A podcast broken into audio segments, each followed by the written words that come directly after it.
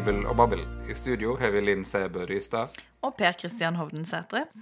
Vi tenkte vi måtte lage en episode, for det er ikke så veldig lenge til Maria budskapsdag. Nei, med en gang en har kommet i gang med fasta, så skal en slutte en eh, liten stund. Ta en liten pause, og husk å bytte ut de lilla fastefargene med den hvite festfargen. Det, selv om mange har gudstjenester gudstjeneste for små og store, eller familiegudstjeneste på Maria budskapsdag, og det er ikke sikkert ungene legger merke til at du ikke har bytta til hvitt, men jeg skal love deg at det er noen som sitter der og legger merke til det. Det er alltid det. Eh, men eh, Maria budskapsdag har blitt en ganske populær eh, familiegudstjenestedag. Hvorfor det? Nei, altså Jeg kan ikke huske at jeg hadde noe annet enn familiegudstjeneste på Maria budskapsdag. Eh, men det må jo være fordi at det er barn og graviditeter og at en da tenker at det passer bra, og at, som- at det er litt lettere enn resten av fastetida, kanskje. Ja, for det, ellers i fastetida så er det ganske tunge tekster både om Jesu fristelse eller utdrivelse av demoner og ting som er vanskelig nok å snakke om til voksne. Men er Maria budskapsdag så mye enklere, da? Altså, altså Den åpenbare assosiasjonen er nå at det handler om, det handler om mødre og unger og sånn familietema. Uh, men, uh, men om, om, om hvor mye ungene forstår av det Det er et spørsmål altså, Veit ungene en snakker til, hvor eh, babyene kommer ifra? Og skal du snakke veldig inngående om det fra prekestolen?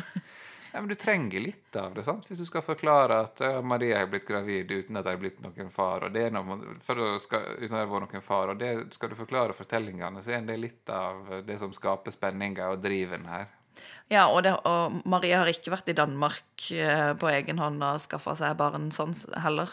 Nei, sant? Så, så på en eller annen måte så må du gå inn i det for å egentlig få fram spenninga i fortellingene. Hva er det som står på spill? Ja, og også eh, dette med at hun er gravid utenfor ekteskap, som var en stor eh, greie da, og som ikke er det nå lenger.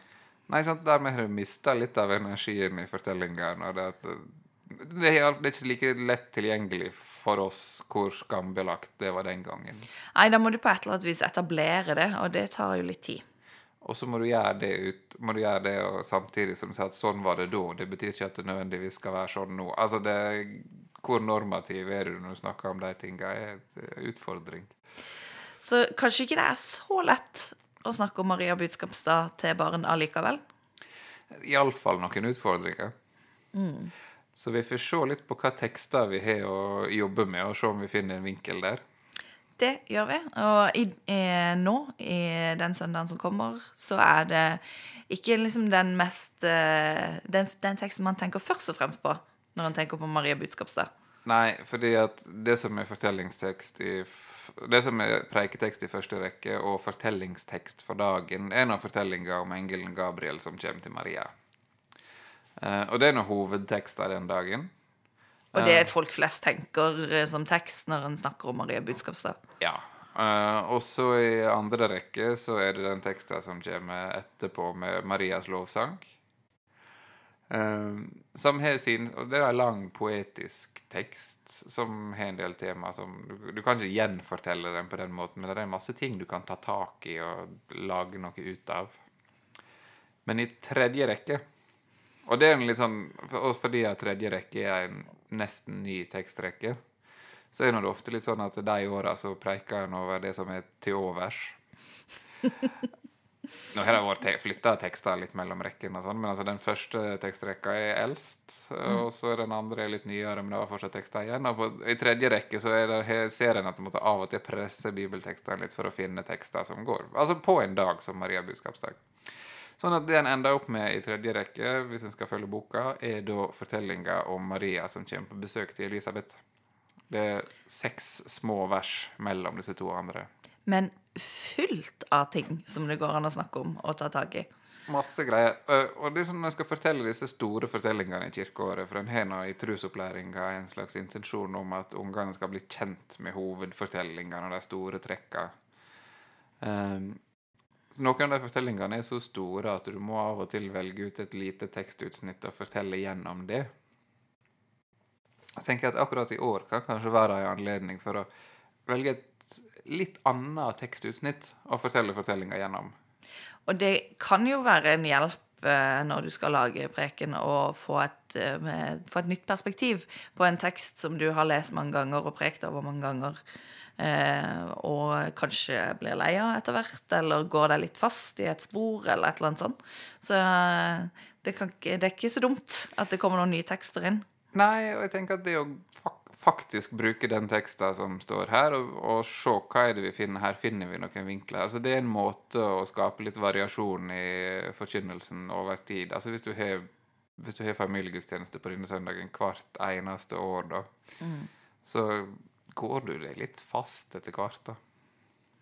Så Ja. Og så blir det fort et drama med Maria og Elisabeth gravide. Ja, og begge har da pute under kjolen. Ja, begge er høygravide alltid.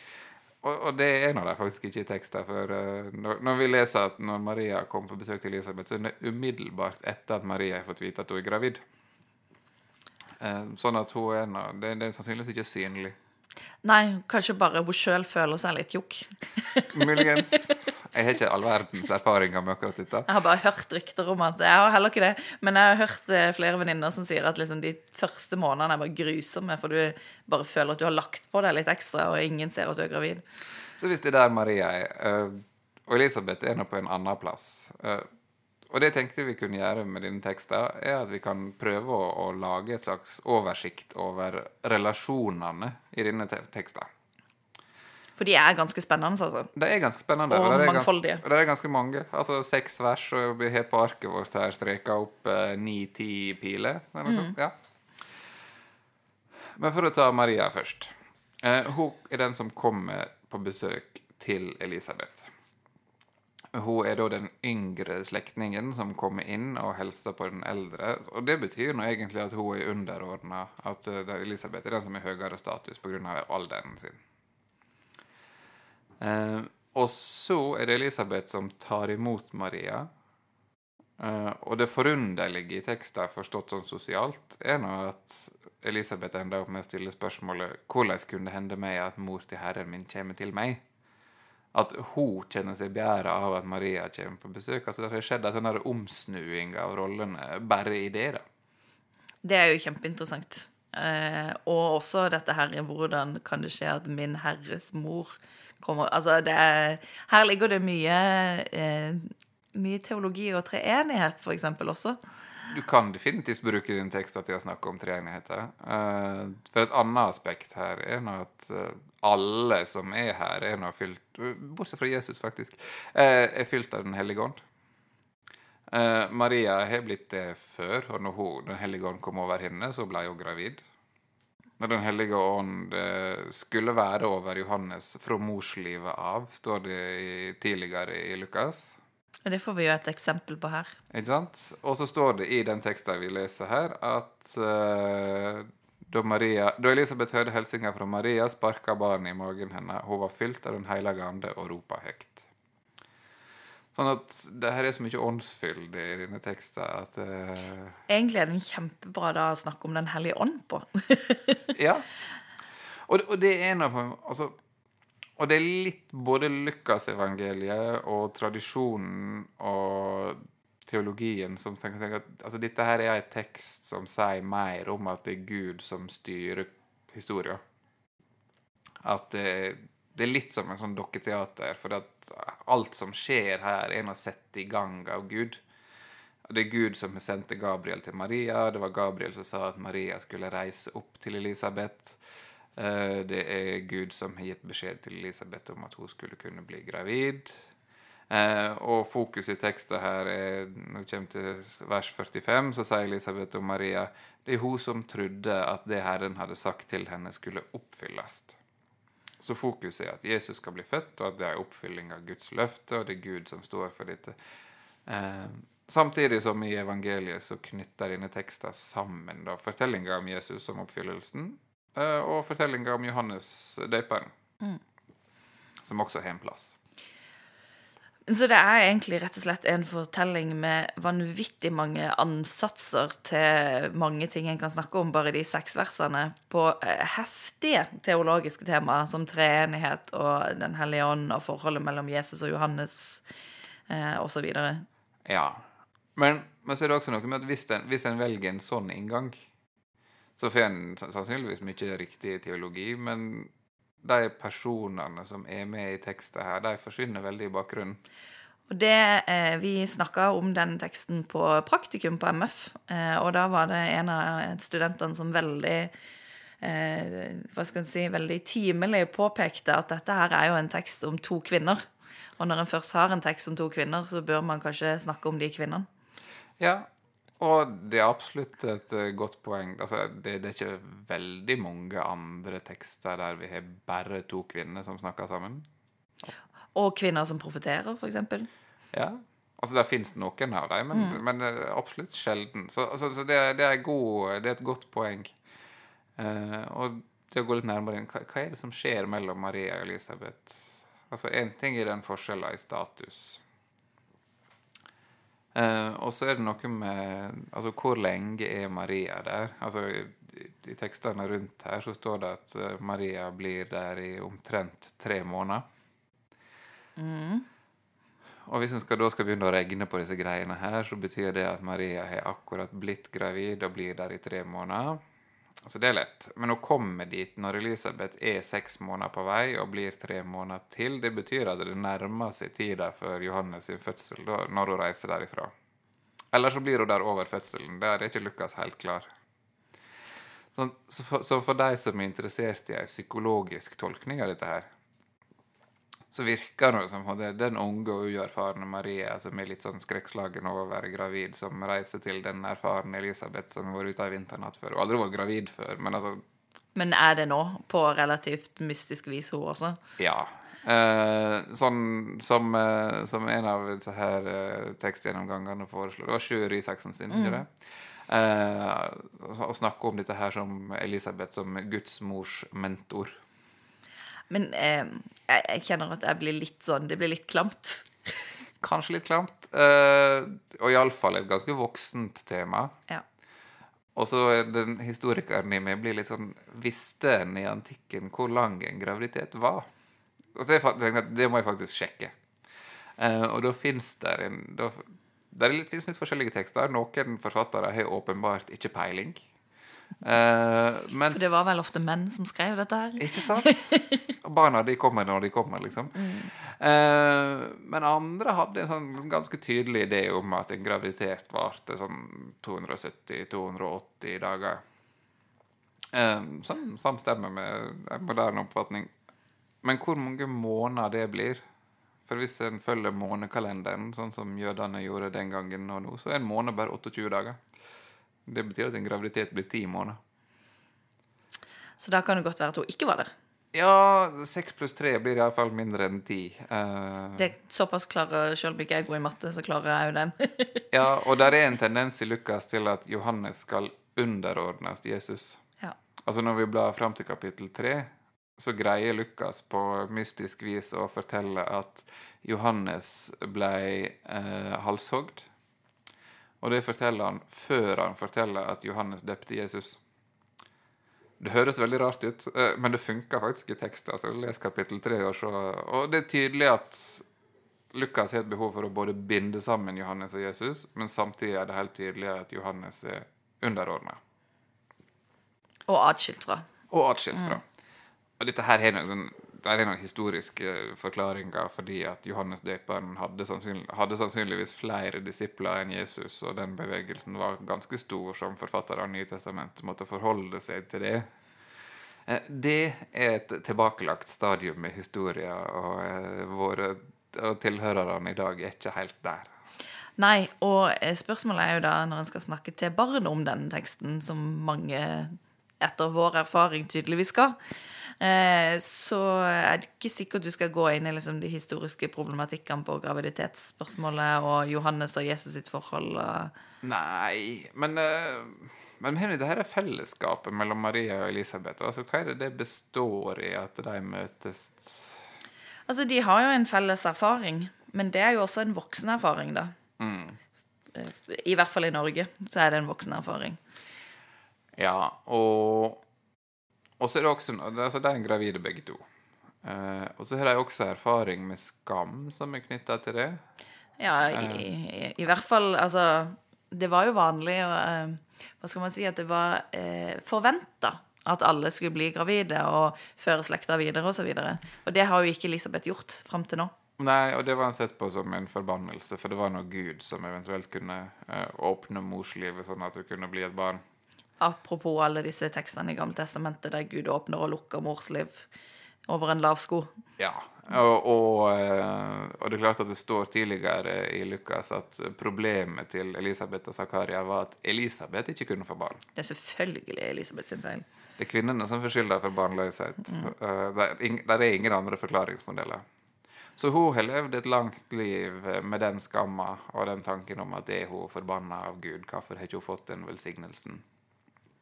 Mens Maria på den andre sida er redd for den skamma og det faren ved å bli gravid utenfor ekteskap.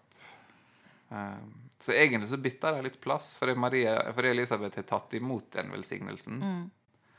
Så hennes skam ligger på en måte bak henne, men Maria sin ligger foran. Og samtidig så kaller eh, Elisabeth Maria for velsigna. Det er et ganske stort paradoks.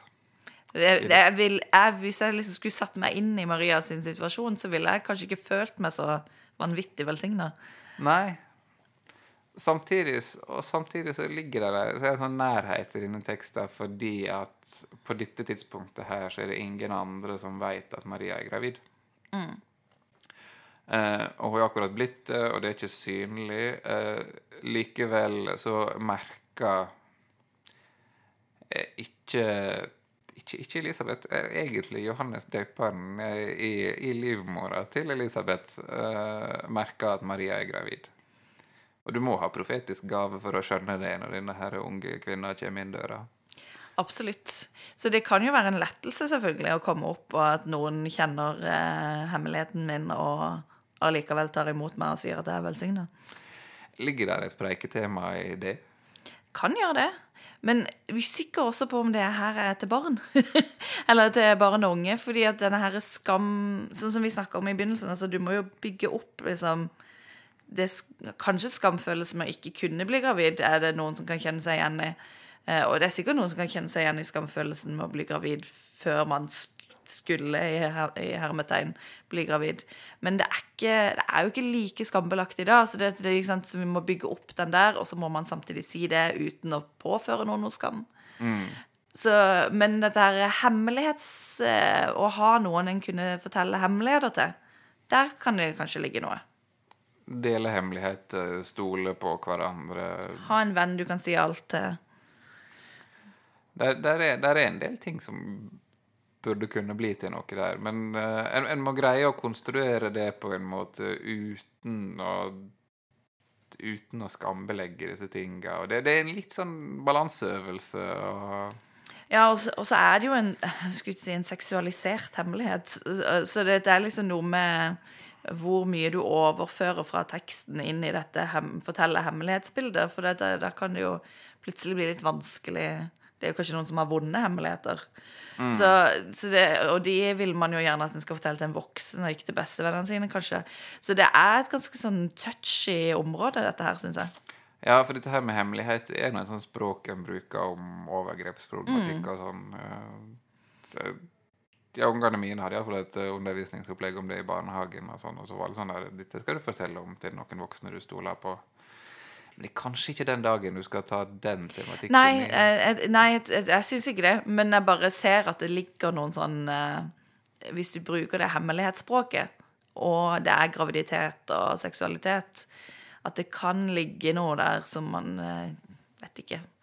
Eh, ikke bør, kanskje, jeg tror ikke man bør ta det denne dagen, men det kan, du kan jo risikere at noen sitter med sånne Eller altså Mest sannsynlig så er det dessverre noen som har en sånn type erfaring.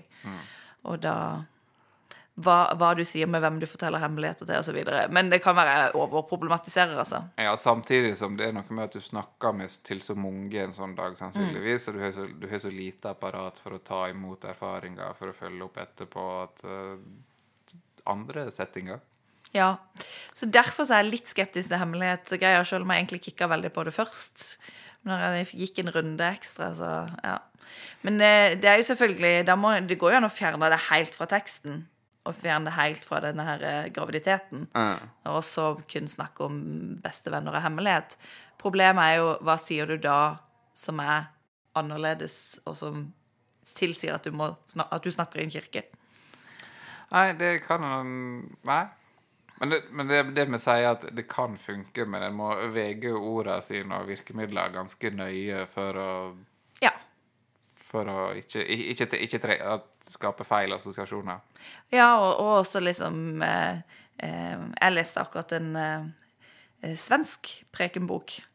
Eh, der eh, hun ene anklager veldig tydelig de, noen av de svenske predikantene for å bli for sekulære eh, i, i prekenene sine. Altså at de handler ikke om Gud, det, Gud nevnes ikke, osv., osv. Og så kan hun jo problematisere igjen at en preken kan jo definitivt handle om Gud, selv om ikke Gud nevnes.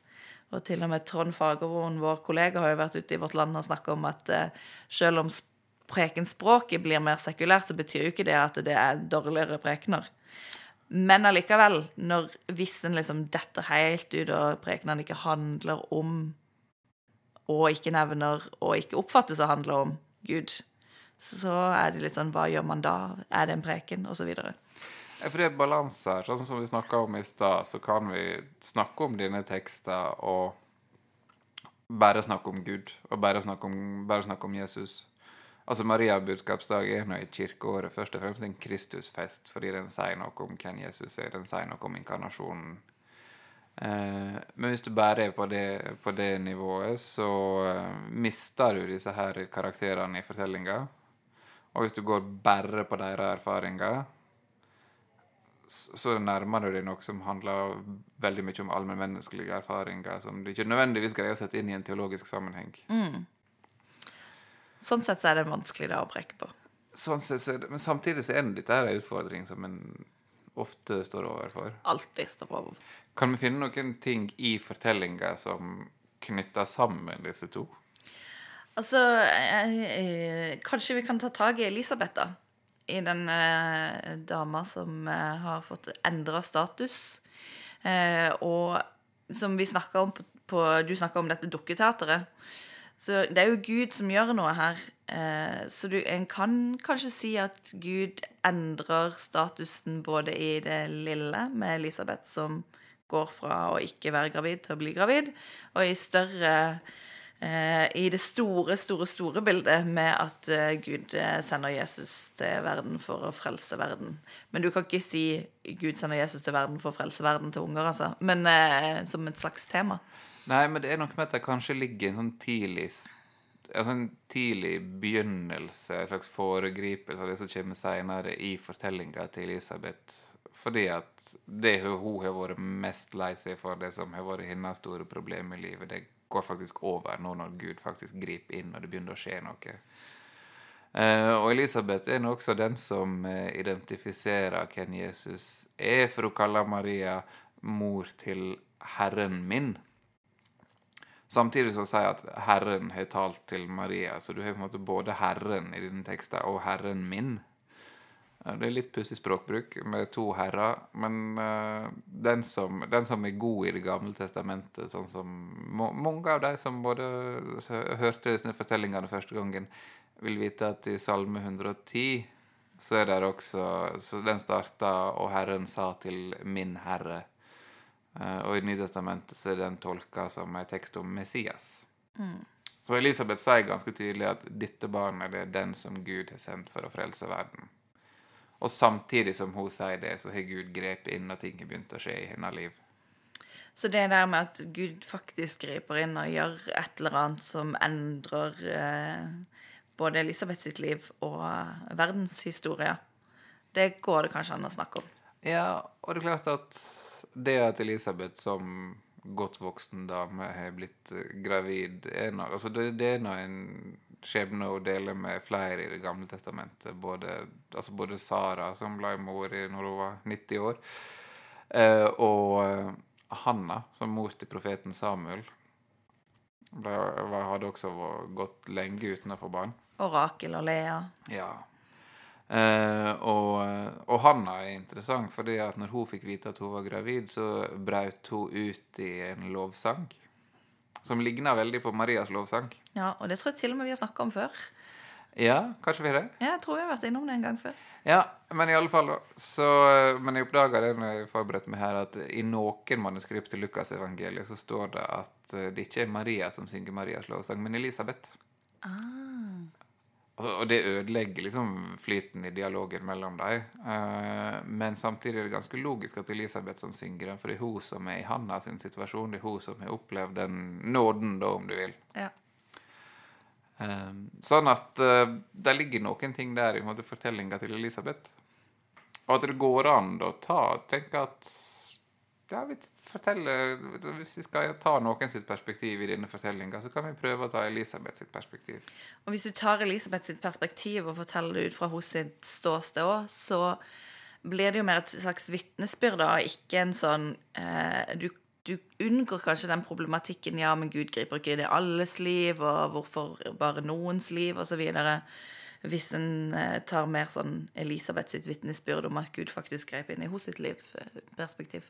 Ja, eh, for Elisabeth Og det er morsomt når vi tegner dette her relasjonskartet. Da. skal vi forresten legge ut på Facebook-sida vår. Gå, gå, gjerne inn og lik Facebook-sida vår, og så legger vi ut det relasjonskartet der i, i dag.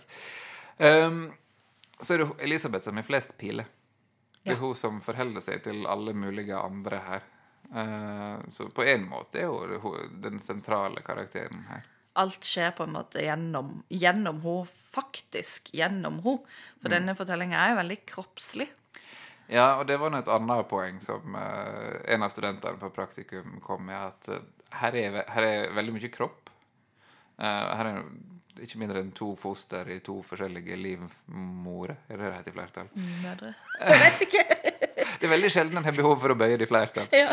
Uh, her er de to. Uh, og så er det til og med denne opplevelsen av at dette her fosteret hoppa uh, i livmora til Elisabeth. Og det, altså, det er ikke forsiktig sparking. Altså Det ordet for å hoppe jeg så det blir beskrevet i ordbøkene.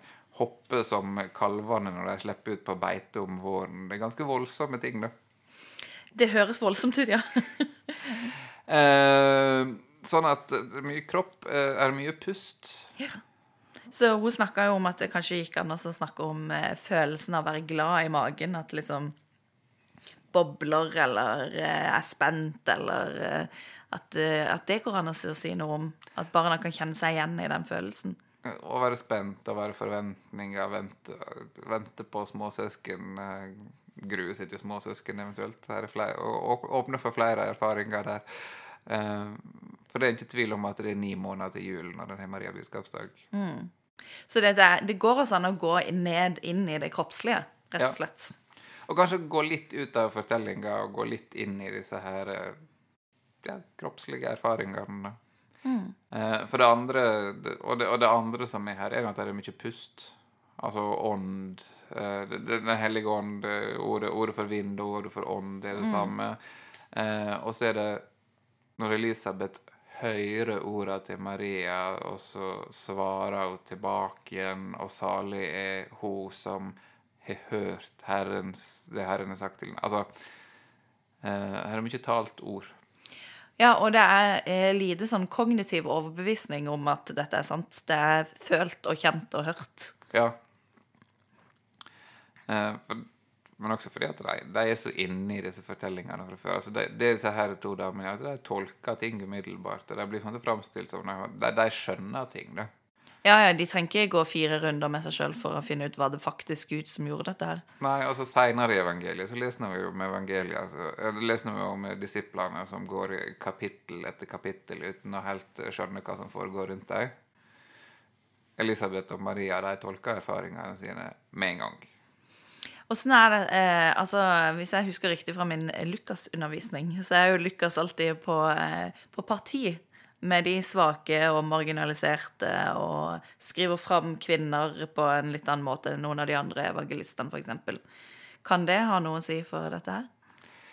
Altså Iallfall hvis du skal lese denne teksten i lys av den som kommer etterpå, med Marias lovsang, der Maria like etter dette priser Gud for det at han river de rike og de mektige ned fra tronene sine og løfter de svake opp. Og på en måte er det det som skjer når disse her to kvinnene Maria Elisabeth blir framheva i fortellinga her. Så da går det an å knytte litt an til eh, Lukasevangeliet som helhet, eh, også på den måten, da. Her er ganske mange linjer. Så jeg tror egentlig bare med å si eh, lykke til til de som skal eh, preike, til unger og til voksne på Maria budskapsdag. Absolutt. Eh, og husk å gå inn på både Facebook og Instagram og like oss. Så får du med siste nytt og, og får en liten påminnelse om når vi legger ut nye episoder. Nå legger vi ut til Maria budskapsdag. Eh, neste uke skal vi lage ikke mindre enn to episoder om påskevandring, så vi skal passe på å få lagt ut i god tid før påske. Og da får vi gjest. Da kommer Karolin Westerberg. Som har skrevet masteravhandling i, om eh, påskevandringa, så det gleder vi oss til. Veldig.